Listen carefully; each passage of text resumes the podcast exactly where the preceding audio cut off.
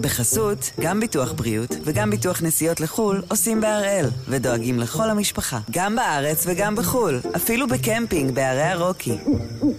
כן, גם שם, כפוף לתנאי הפוליסה וסייגיה ולהנחיות החיתום של החברה. היום יום שני, 14 במרץ, ואנחנו אחד ביום, מבית N12.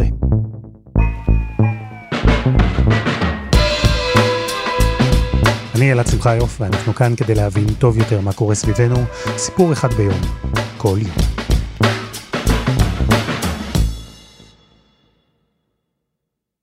לנשיא רוסיה פוטין, ונשיא סין שי ג'ינגפין, יש קטע די מוזר. הם אוהבים להכין ביחד אוכל. בחייהם. בספטמבר 2018, בפורום כלכלות המזרח שנערך ברוסיה, הם לבשו שניהם סינרים כחולים והכינו ביחד פנקייק רוסי עם קוויאר. אני אמנם לא חיים כהן, אבל חייב לומר של שי נראה יותר טוב. כמה חודשים אחר כך, הפעם בסין, במפגש של ארגון שנגחאי לשיתוף פעולה, שוב הם הכינו אוכל, הפעם כופתאות סיניות, dumplings. מה אני אגיד לכם, פוטין לא יקבל גם הפעם את סינר הזהב, אני מתנצל. מערכת היחסים של שני המנהיגים היא חריגה. לפני כמה שנים פוטין התראיין לטלוויזיה הסינית. כשנשאל מה הוא חושב על הנשיא אישי, הוא הסמיק. פוטין, הסמיק. ואמר שזה עניין אישי. ששי הוא המנהיג הזר היחיד שחגג עם פוטין את יום ההולדת שלו. אין לי מערכת יחסים כזו עם אף מנהיג זר אחר. כך אמר פוטין. ואני רק יכול לקוות שבחגיגות יום ההולדת של פוטין, הוא לא היה זה שבישל. ועכשיו, אחרי הפלישה של רוסיה לאוקראינה, אז באופן טבעי הרבה עיניים מסתכלות בסקרנות גם על סין, על החבר הכי טוב של פוטין. הרבה אנשים שואלים אם סין תהיה חבל ההצלה של פוטין, המעצמה העולמית שבעזרתה רוסיה תצליח להתמודד מול המערב. אז הפעם אנחנו מסתכלים על המלחמה באוקראינה, אבל מהעיניים של שי ג'ינפין, נשיא סין. דמות מפתח בכל מה שקורה, דמות שאולי לא מדברים עליה מספיק. ודוקטור אורי סלע, היסטוריון סין וראש החוג ללימודי מזרח אסיה באוניברסיטת תל אביב, יתאר לנו את המשחק המורכב שסין משחקת כאן, או ליתר דיוק, נאלצת לשחק. משחק שבהחלט יכול לשנות לחלוטין את הסדר העולמי, כמו שאנחנו מכירים אותו עכשיו.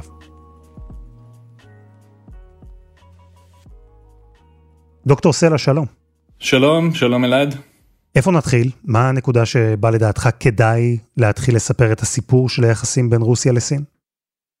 אני חושב שהנקודה הנכונה היא להבין שכבר מסוף מלחמת העולם השנייה, קצת אחרי כן, בעצם אה, סין וברית המועצות אז, סין הקומוניסטית, חלקו מצע משותף גם של אינטרסים, גם של אידיאולוגיה, גם של תפיסה עצמית אל מול המערב. כך שזו נקודה נוחה להיכנס בה, ולמעשה מערכת היחסים הזו הייתה מוצלחת, בוא נאמר עד פחות או יותר אמצע סוף שנות החמישים. Our great leader, Chairman Mao, teaches us, historically, all reactionary forces on the verge of extinction invariably conduct a last desperate struggle against the revolutionary forces. There's no escape for them.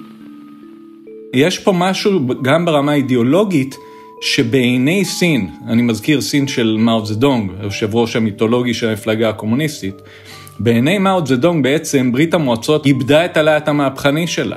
כלומר, נוצר פה גם קרע מבחינתו של מאו שהיה ממש קרע אידיאולוגי. ויותר מזה, באמצע שנות ה-60 והלאה, אל תוך שנות ה-70, סין ממש הגדירה את ברית המועצות בתור האויב מספר אחד שלה, יותר מארצות הברית אפילו. סין התחילה לראות בברית המועצות סוג של מדינה אימפריאליסטית. היא קראה לה אפילו בשם הגנאי אימפריאליזם סוציאליסטי. אחר כך נוצר נתק בין השתיים, שהידרדר גם למלחמות, מאבקים בסוף שנות ה-60. On February 16th, over 30 Soviet soldiers intruded into Achimba Island area in four armored vehicles and cars. Вот фотографии, сделанные рядовым Николаем Петровым до того, как китайские нарушители вероломно, без всякого предупреждения... כלומר, מה שהתחיל בשותפות אידיאולוגית התפרק בעצם, כשהסינים הרגישו שהם הקומוניסטים האמיתיים, לעומת ברית המועצות שלתפיסתם סטתה מהדרך. אבל אז יחסי הכוחות היו מאוד שונים ממה שאנחנו מכירים היום. ברית המועצות היא הייתה האימפריה, המעצמה הגדולה, סין לא ממש נספרה. מה שקורה זה אה, כל מה שתיארת, ובנוסף, גם אה, התחרות על השאלה מי מוביל את העולם הקומוניסטי. זאת אומרת, כאשר סטלין מת, זה עוד באמצע שנות ה-50, מבחינתה של סין, השאלה מי הולך להוביל את העולם הקומוניסטי לא הייתה מובנת מאליה. זאת אומרת, אתה צודק לגמרי שיחסי הכוחות היו באופן מובהק לטובתה של ברית המועצות, אבל בראייה הסינית, המשמעות לא הייתה שסין לא סופרים אותה או שסין תופסת את, את המקום השני. כלומר, הייתה פה גם תחרות על הנהגת העולם הקומוניסטי. ואיזו סין אנחנו ראינו באותן שנים? מה שאנחנו רואים בשנות ה-70, שנות ה-80, זה לא מצב שבו סין כבר תופסת את המקום הדומיננטי שאנחנו מכירים של היום. זאת אומרת, שנות ה-70, שנות ה-80, שנים מאוד קשות לסין, ובשנות ה-80 סין עדיין בהתקרבות מסיבית לארצות הברית. כדאי לא לשכוח שבשנות ה-80 אפילו היו דיונים בארצות הברית, שהיום זה נשמע מופרך לחלוטין, על מכירה של מטוסי קרב לסין העממית. אמרת מופרך, זה נשמע לגמרי הזוי היום. איך זה קרה? מדינות המערב, בראשן כמובן ארצות הברית ואירופה, הניחו משנות ה-70 וביתר שאת בשנות ה-80, שעם ההתפתחות של סין אל המערב, עם ההתפתחות הכלכלית והטכנולוגית והמדעית וחילופי סטודנטים, you name it, עם ההתפתחות הזו, בעצם סין בהדרגה תהפוך להיות דמוקרטיה שדומה יותר לדמוקרטיות הליברליות של המערב. זו כמובן הסתכלות נאיבית, ושגו באשליות הללו, והתוצאה הייתה שבעצם ב-1989, כאשר העם הסיני בחלקו בייחוד סטודנטים, מעמד ביניים, התחיל למחות. It is very important to know, to let the people in the world to know the situation in China. Deng Xiaoping is very stubborn. He should go down, you know, immediately. That's very important. וביקש את מה שהם קראו לו מודרניזציה החמישית, דהיינו ליברליזציה ודמוקרטיה של ממש בדגם המערבי. באותה עת המשטר הקומוניסטי הסיני אה, בעצם שם את אה, מגפיו על המוחים, עצר את כל הסיפור הזה, זה מה שנקרא מאורעות טיאננמן ב-1989. The noise of gunfire rose from all over the center of Peking. And then, as troop lorries were seen moving down the road, there was gunfire from those lorries. והתוצאה הייתה שהמערב אה, התפכח, לזמן קצר, אבל התפכח מהאשליות הללו על סין שהולכת להשתנות ולא להיות סין יותר. ומכאן שהמערב בא ואמר, אנחנו לא מוכנים להמשיך לאפשר למשטר הזה שרומס את זכויות האדם וכולי וכולי וכולי, להמשיך לאפשר לו בעצם להתחזק ולקבל מאיתנו בראש ובראשונה נשק וטכנולוגיות שעשויות או עלולות לשמש לטובת ייצור של אמצעי לחימה. אז המערב מצד אחד התפכח, הוא הבין שסין לא תהפוך למדינה ליברלית, דמוקרטית, מערבית בתפיסה, אבל מהצד השני, באותה תקופה, ברית המועצות, האנטיתזה למערב של אותם ימים, היא הובסה, היא התפרקה. איפה הדבר הזה השאיר את סין? בשנות ה-90 מה שאנחנו רואים זה שרוסיה מצידה מנסה למצוא בעלות ברית בכל העולם, כולל ארצות הברית בוורסיות אחרות. סין מבחינתה אחרי 1989, נדרשת גם היא למצוא בעלות ברית. מכאן הדברים הולכים ומתחזקים, צריך לזכור, אמצע שנות ה-90 יש לסין ולטיוואן משבר שכולל ירי של אה, טילים ורקטות מהצד הסיני, ומהצד הטיוואני כולל אה, אה, הזעקה של הצי האמריקאי, ובזה נגמר הסיפור. ורוסיה פה תומכת בסין העממית. זאת אומרת, סין זקוקה לתגבר את התמיכה הדיפלומטית שלה במרחב העולמי. היא נזקקת משנות התשעים ליותר אנרגיה, רוסיה היא ספקית חשובה בהקשר הזה, ומצידה של סין כמובן, שנות התשעים עומדות בסימן של זינוק כלכלי מאוד מרשים, שיכול בתורו לסייע מזווית הראייה הרוסית לרוסיה עצמה. זאת אומרת, אחרי שנים של שותפות אידיאולוגית, הקומוניזם, ואז יריבות אידיאולוגית, בגלל שכל מדינה ראתה את הקומוניזם באופן שונה, אז בשנות ה-90 לא היה כבר את המתח הזה סביב מי יוביל את העולם הקומוניסטי, וזה אולי אפשר לסין ולרוסיה להתחבר שוב. אה, הפעם נשמע לי שהחיבור הזה היה סביב אינטרסים כלכליים.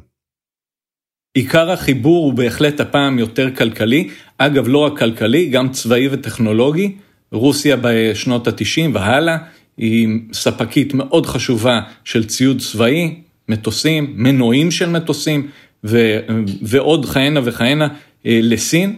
סין אחר כך לוקחת את הדברים ומייצרת בעצמה, אבל זה דבר שהוא קריטי מצידה של סין, שמבינה בשנות ה-90, לאחר מלחמת המפרץ הראשונה, בעצם סין מבינה שהצבא שלה הוא צבא מיושן, שלא ערוך בשום צורה ואופן להתמודדות עם המלחמות המודרניות. ואז ארצות הברית היא לא אופציה, אירופה היא לא אופציה, אמרנו קודם, יש אמברגו, כך ששוב האינטרסים מתלכדים מחדש. ומתי בעצם יחסי הכוחות התחילו להשתנות? מתי רוסיה הפסיקה להיות האחות הגדולה של סין? קודם כל, כבר בשנות ה-90 צריך לזכור, רוסיה במצב אה, כלכלי מאוד לא משופר ומאוד בעייתי. ועדיין יש לה דברים שהיא יכולה לתת לסין בצורה מסיבית יחסית, בייחוד בתחום של הטכנולוגיה הצבאית והאנרגיה. מה שקורה אבל שבסין עצמה, בוודאי ובוודאי שמסוף שנות ה-90, בוודאי מתחילת שנות ה-2000, אחרי שסין גם מצטרפת ל-World Trade Organization, סין מבינה שהיא עכשיו נמצאת במקום עדיף על רוסיה, מקום שהוא חזק מרוסיה ודאי כלכלית, ומקום שמתחרה ברוסיה גם בזירה, נקרא לזה, הצבאית, ביטחונית, דיפלומטית. כך שבסין עצמה בוודאי שהכירו בכך, ברוסיה הבינו שהדברים הולכים לשם, אבל ברוסיה כמו ברוסיה עד היום פחות אוהבים אה, להודות בסיטואציה הזו, לפחות ב... נקרא לזה בפורומים הרשמיים יותר, ממשיכים לחשוב שאנחנו מדברים על מולטיפולר וורלד, כן, על עולם רב קוטבי, כאשר רוסיה היא קוטב, סין היא קוטב, ארה"ב היא קוטב. אמ, כשמדברים עם הסינים, לאורך העשור ואפילו השניים האחרונים, רוסיה היא לא ממש קוטב בעיניהם. אבל היא, היא שם, nice to have, לא הרבה מעבר לזה. אז איך הסינים ראו את רוסיה מהרגע הזה? שותפה או סוג של מדינת חסות נגיד? לא הייתי אומר שסין אה, הגדירה או מגדירה באופן פורמלי בוודאי את רוסיה כמדינת חסות. אוקיי, אנחנו מסתכלים על זה מהצד, ומהצד אנחנו מתחילים לראות כיצד אה, סין באופן פרקטי, במעשה, בעצם מסתכלת על רוסיה ורואה אותה כשותפה, אבל שותפה משנית בתוך המערכת הגלובלית. בסין עצמה בהחלט אה, דיברו על הדברים בפורומים המתאימים, וראו באופן מובהק שרוסיה היא חלשה בהרבה ממה שהייתה, ויחד עם זאת, בהיעדר, נקרא לזה, אה, מדינות בעלות אה, עוצמה מסוימת, גדולה, בייחוד במרחב האסייתי, חשוב לזכור, רוסיה, אנחנו מסתכלים עכשיו על מלחמה באירופה, אבל רוסיה היא לא פחות מזה מעצמה אסייתית, אולי יותר במובנים מסוימים, ומבחינתה של סין, ההבנה היא שבהחלט יש פה שחקנית משמעותית בזירה, גם אם היא משנית לשחקנית הראשית שזו סין, בעיניים הסיניות. היפוך תפקידים הוא תמיד דבר מעניין. נכון, בסוף, כמו בהתחלת הסיפור, היחסים בין סין לרוסיה מתבססים תמיד על אינטרסים.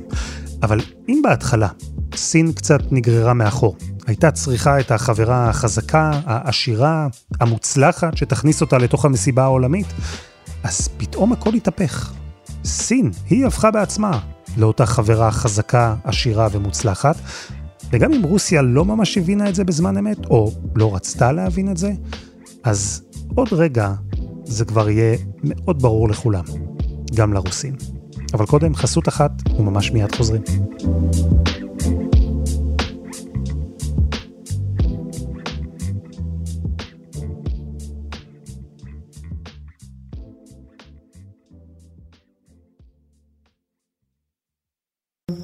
בחסות, גם ביטוח בריאות וגם ביטוח נסיעות לחו"ל עושים בהראל, ודואגים לכל המשפחה, גם בארץ וגם בחו"ל, אפילו בקמפינג בערי הרוקי.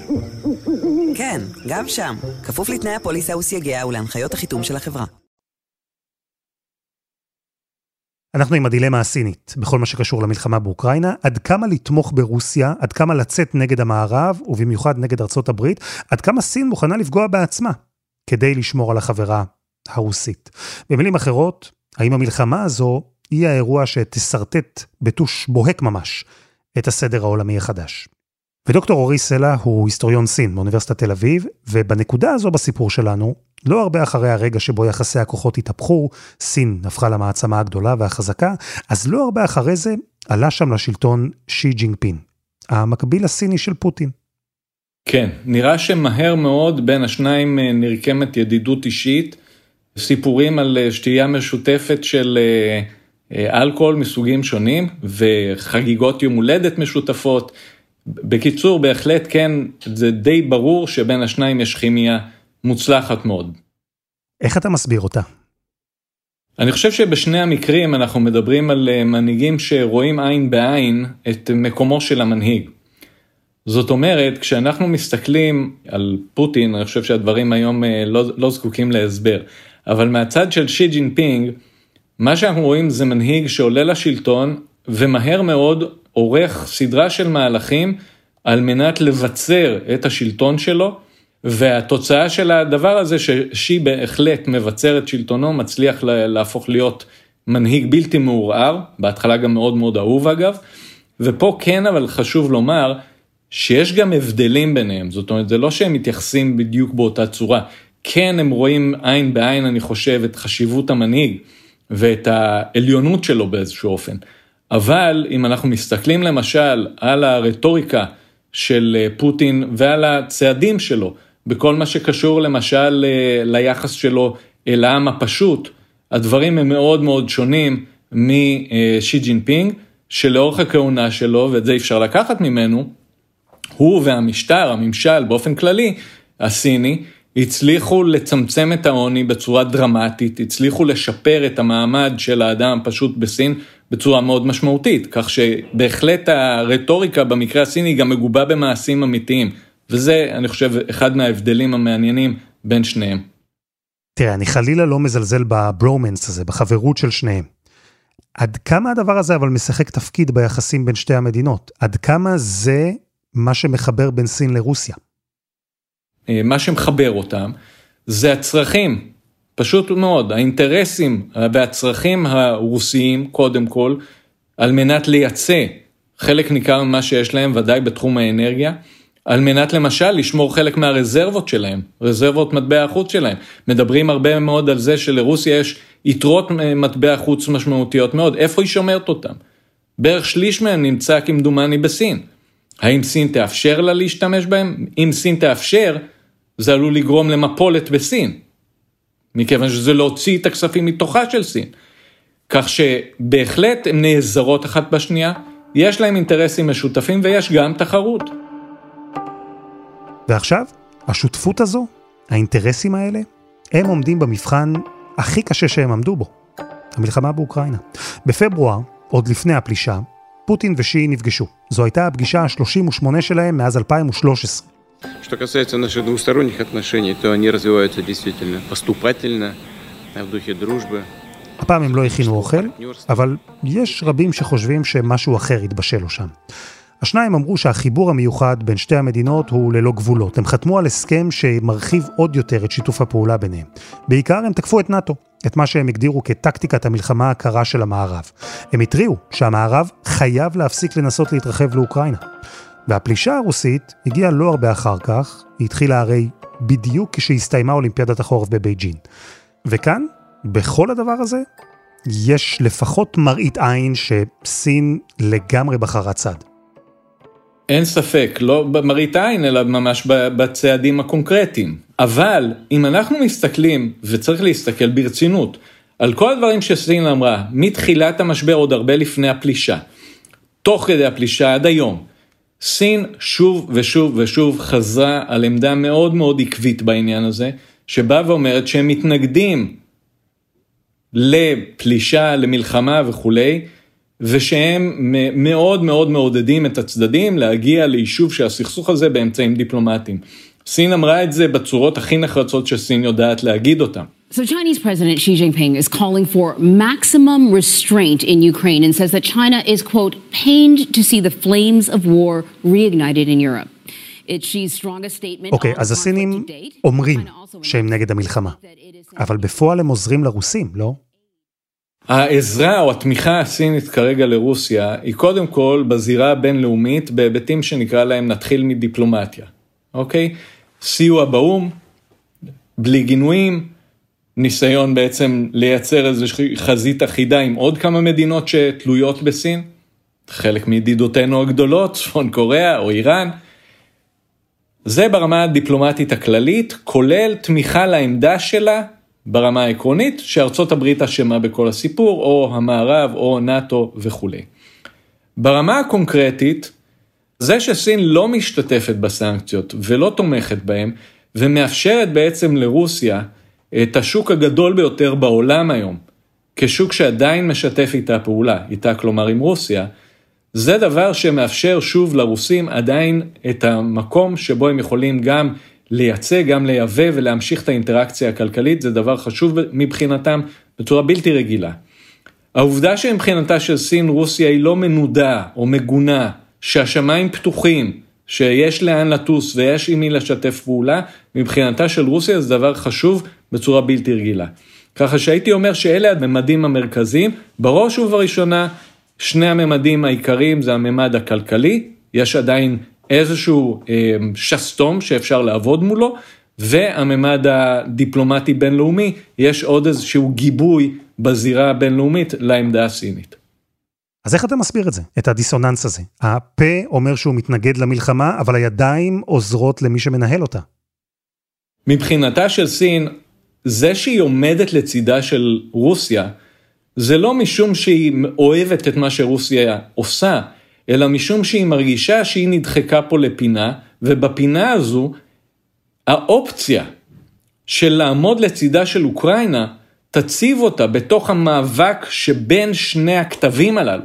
בתוך המאבק הזה, סין באה ואומרת, אם אני עכשיו הולכת עם אוקראינה, אני בעצם הופכת להיות גרורה של המערב, אני מאבדת את עמדת המנהיגות שלי. ויותר מזה, מכיוון שרוסיה היא בעלת הברית האסטרטגית הארוכה יותר לאורך טווח הזמן וגם בגיאוגרפיה הקרובה יותר, הדבר הנכון מבחינת האינטרס שלי זה לא לנער את עצמי מרוסיה באופן מובהק. כלומר הסינים הם לא בעד הרוסים, כמו שהם לא רוצים להיתפס בצד של אוקראינה. כי מבחינתם הצד של אוקראינה הוא הצד של המערב, הצד של ארצות הברית, ובצד הזה סין היא כבר לא מעצמה עולמית גדולה, אלא שחקנית משנה של ארצות הברית, וזה לא תפקיד שהסינים מוכנים לגלם. שים לב שהסינים מצידם, מה הם כן אומרים לאורך כל המשבר הזה? הם אומרים דבר אחד פשוט. הם אומרים, בכל המשבר אשמה ארצות הברית. זאת אומרת, האינטרס הסיני המובהק פה כרגע הוא לנסות למנף את המשבר הזה על מנת ולבוא ולהגיד שה... נקרא לזה השחקן הרע בכל הסיפור הוא ארצות הברית והמערב, הוא נאט"ו, הוא הבריתות הצבאיות של המערב, שהן אלה שמסכנות את שלום העולם. סין בעצם, ואגב גם ארצות הברית באיזשהו אופן, כשמדברים על ערעור הסדר העולמי היום, הרי ערעור הסדר העולמי הוא לא בשאלה האם רוסיה כן תשתלט על שני מחוזות, או שלושה מחוזות, או תמנה שלטון בובות באוקראינה. זה לא מערער על הסדר העולמי, ובגלל זה גם ארצות הברית בין היתר לא רואה באוקראינה את אינטרס הליבה מספר אחד שלה, שהיא צריכה להזעיק עכשיו כוחות לשם. ערעור הסדר העולמי, בסופו של דבר, הוא במערכת היחסים בין ארצות הברית לבין סין. גם בראייה הסינית, גם בראייה האמריקאית.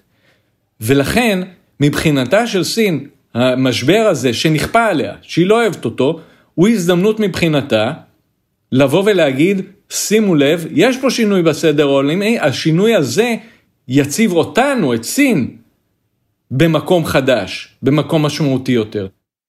אז זהו, שסין בעצם מסתכלת מעל רוסיה, בטח מעל אוקראינה, ולא רק שהיא לא רוצה להיתפס כמי שנגררת אחרי ארצות הברית, אלא היא עושה יותר מזה, היא הופכת את המלחמה בין רוסיה לאוקראינה לקרב יותר גדול, קרב בינה לבין ארצות הברית.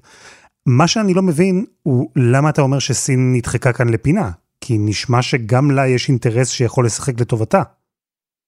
אבל סין יודעת שזה משחק מאוד בעייתי מצידה. היא פחות מצליחה, או יותר נכון, היא ממש לא מצליחה, לשכנע הרבה מאוד מדינות אחרות בעולם.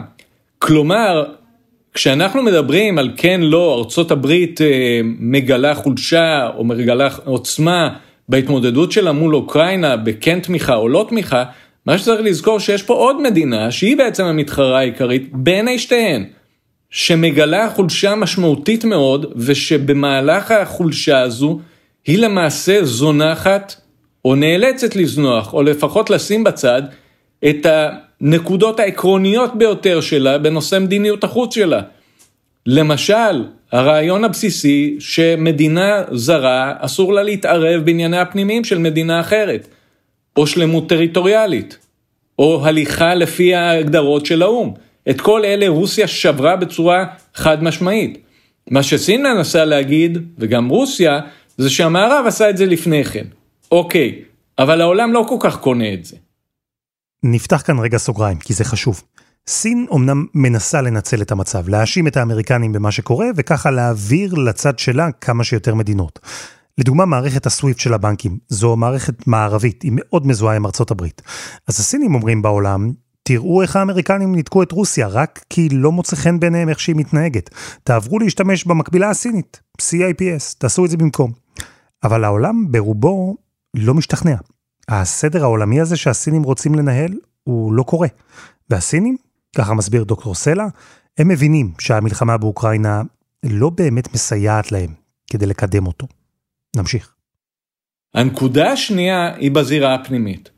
כמו שאנחנו יודעים, וזה, זה, הדברים גלויים וברורים, המשבר באוקראינה גורר או טומן בחובו דברים שכבר באים לידי ביטוי בהקשר כלכלי. הזירה הפנימית בסין היא הזירה הכי מעניינת מבחינת השלטון הסיני. אז היא קודם כל סין פנימה. מה קורה בזירה הבינלאומית, כן רוסיה, לא רוסיה, ארצות הברית, כל זה משני לזירה הפנימית. בזירה הפנימית, העיקרון מספר אחד שמנחה את השלטון הסיני הוא יציבות, יציבות חברתית, פוליטית, כלכלית. מה שהמשבר הזה גורם זה לחוסר יציבות כלכלית. סין עלולה לשלם בריבית על ההרפתקה הרוסית, בתחום האנרגיה, בתחום האוכל, המזון, ומעבר לזה, אנחנו כבר רואים בשבועות האחרונים חוסר יציבות של המטבע הסיני, של היואן. כלומר, סין מבחינה פנימית רואה וחוששת מכך שהמשבר הזה יביא לחוסר יציבות כלכלית, שבתורו, מי ישורנו? הוא עלול לגרום גם לחוסר יציבות חברתית ואולי פוליטית, שאלה נושאי הליבה של סין. כך שמבחינתה המשבר הזה הוא עלול להיות לוז-לוז, וזה לא מה שהיא רוצה בשום צורה, שוב, קודם כל מהזירה הפנימית ואחר כך מהזווית הבינלאומית. ויש מקומות שבהם שתי הזירות האלה נפגשות, הפנימית והבינלאומית, וזה קורה למשל בטיוואן, סכסוך טריטוריאלי שסין מנהלת. היו לא מעט אנשים שבשבועות האחרונים ניסו לשרטט קווים מקבילים בין אוקראינה לבין טיוואן. הסינים ברור שמסתכלים על כל מה שקורה. מה הם לומדים? תראה, אני חושב שאם הסינים משליכים משהו מהסיפור של אוקראינה להקשר הטיוואני, שאגב הסינים מדגישים שוב ושוב שאין דמיון בין השניים. וזה חשוב להם מאוד להדגיש את זה מסיבות טובות בעיניהם, מכיוון שהם לא רואים בטיוואן מדינה עצמאית וריבונית. והטיוואנים עצמם גם לא הכריזו עצמאות. שתיהן מקבלות את עקרון מה שנקרא סין האחת בינתיים. אבל אם הסינים יכולים ללמוד משהו והם לומדים, זה הם א' לומדים את מגבלות הכוח בצבא הרוסי כפי שהוא מתנהל כיום, שסין למרות הרבה מאוד מודרניזציות, במובנים מסוימים עדיין נסמכת על חלק מתורות הלחימה הללו, וגם על חלק מאמצעי הנשק הללו. דבר שני, הסינים מבינים את העוצמה של המערב, וזה שוב, ייאמר לזכותו של המערב, באופן מפתיע, כמה שנהנים לבקר אותו שוב ושוב, העוצמה של המערב, רואים אותה בבייג'ינג. רואים אותה היטב, את העוצמה הכלכלית הזו. ולכן, כאשר סין שוקלת כן או לא את ההקשר הטיוואני, יש פה שני אלמנטים. הראשון, סין באה ואומרת, האם זה שווה לנו? והשני, מה האינטרס שלנו בעת הזו? במילים אחרות, שניהם מתלכדים לזה שמבחינתה של סין, האינטרס עכשיו לפתוח במערכה על טיוואן הוא לא קיים. מבחינתה של סין, מה שקיים זה האינטרס להמשיך להתפתח, להמשיך להתחזק, להמשיך לחזק את הצבא ואת מערכות השליטה, הבקרה, הסייבר והחלל, לנקודה בעוד שנים שבהם אולי, אולי יהיה לה כבר שווה לצאת למערכה. אז בעצם נשארתי, אני חושב שכולנו נשארנו, עם אה, שאלה אחת גדולה. בהתחשב בזה שכל האירוע הזה, כל המלחמה הזו, דחקה את סין לפינה. פינה שהיא עכשיו מנסה לנצל לטובתה וממנה לייצר דו-קרב בינה לבין ארצות הברית. אז בהתחשב בזה, השאלה היא עד כמה סין מוכנה לסכן את עצמה באירוע הזה. לפי דיווחים שיצאו uh, אתמול בערב, פוטין ביקש משי שסין תעביר סיוע צבאי לרוסיה. כלומר להפוך את סין לצד יותר פעיל במלחמה. ומנגד זו מלחמה שסין אולי בכלל הייתה מעדיפה שכבר תסתיים. יפה, אז בעצם מה האלטרנטיבה לפעולה של סין? האלטרנטיבה פה, ופה אגב סין יכולה ברמה העקרונית, מה שנקרא לזכות בכל הקופה. אילו סין בזמן הקרוב אה, תטיל את כובד משקלה על רוסיה קודם כל, ותבוא ותאמר, אנחנו דורשים מכם עכשיו להפסיק ולשבת למשא ומתן. אנחנו מוכנים לתווך. בואו עכשיו, גם אתם וגם אתם, בואו עכשיו לבייג'ינג, ואנחנו עכשיו יושבים ביחד ודנים על הנושא. זה היה יכול לשנות את המצב מקצה לקצה, גם אם לא מיידית, אבל בהדרגה רוסיה הייתה יכולה לבוא ולהגיד, ידידתנו הגדולה ביקשה שאנחנו ננסה, והיו מוצאים את הניסוח. סין אמרה שהיא מוכנה לשמש כמתווכת, אבל התנאים עדיין לא בשלו. עכשיו, מה זה לא בשלו? צריך שיחרבו עוד כמה בנייני מגורים. הלא בשלו מגיע ממקום שבו סין, אה, לפי דעתי, כמו שראינו את זה לא פעם, באה ואומרת, אני מוכנה להיות מתווכת בתנאי שאנחנו יודעים כבר מה התוצאה של התיווך. אני לא אהיה מתווכת כשאני לא יודעת שבאמת זה מצליח, כי אז אני נכשלתי. אני המעצמה העולמית, באתי לתווך, ובעצם לא ספרו אותי? זה עוד יותר השפלה. אבל אילו סין תבוא ותנקוט עמדה אקטיבית בעניין הזה, תמשיך להגיד זה הכל באשמת המערב וארצות הברית, אבל אנחנו נהיה המבוגר האחראי, סיטואציה כזו יכולה למנף את המעמד של סין גם בזירה הבינלאומית, וגם ככל שהיא באמת תצליח, אם היא תצליח, אה, להביא לאיזשהו אה, תיווך מוצלח, גם בעצם למזער את האימפקט של, ה, אה, של המשבר הזה. מה שיאפשר לכולם לטעון שהם מה שנקרא ווין ווין, חוץ מאוקראינה. דוקטור אורי סלע, תודה רבה. בשמחה רבה.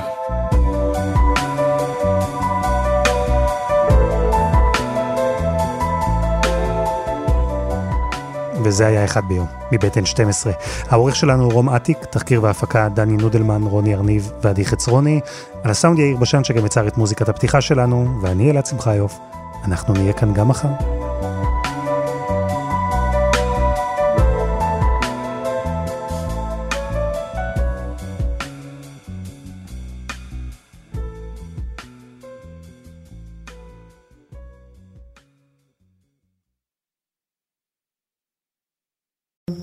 בחסות, גם ביטוח בריאות וגם ביטוח נסיעות לחו"ל עושים בהראל, ודואגים לכל המשפחה, גם בארץ וגם בחו"ל, אפילו בקמפינג בערי הרוקי.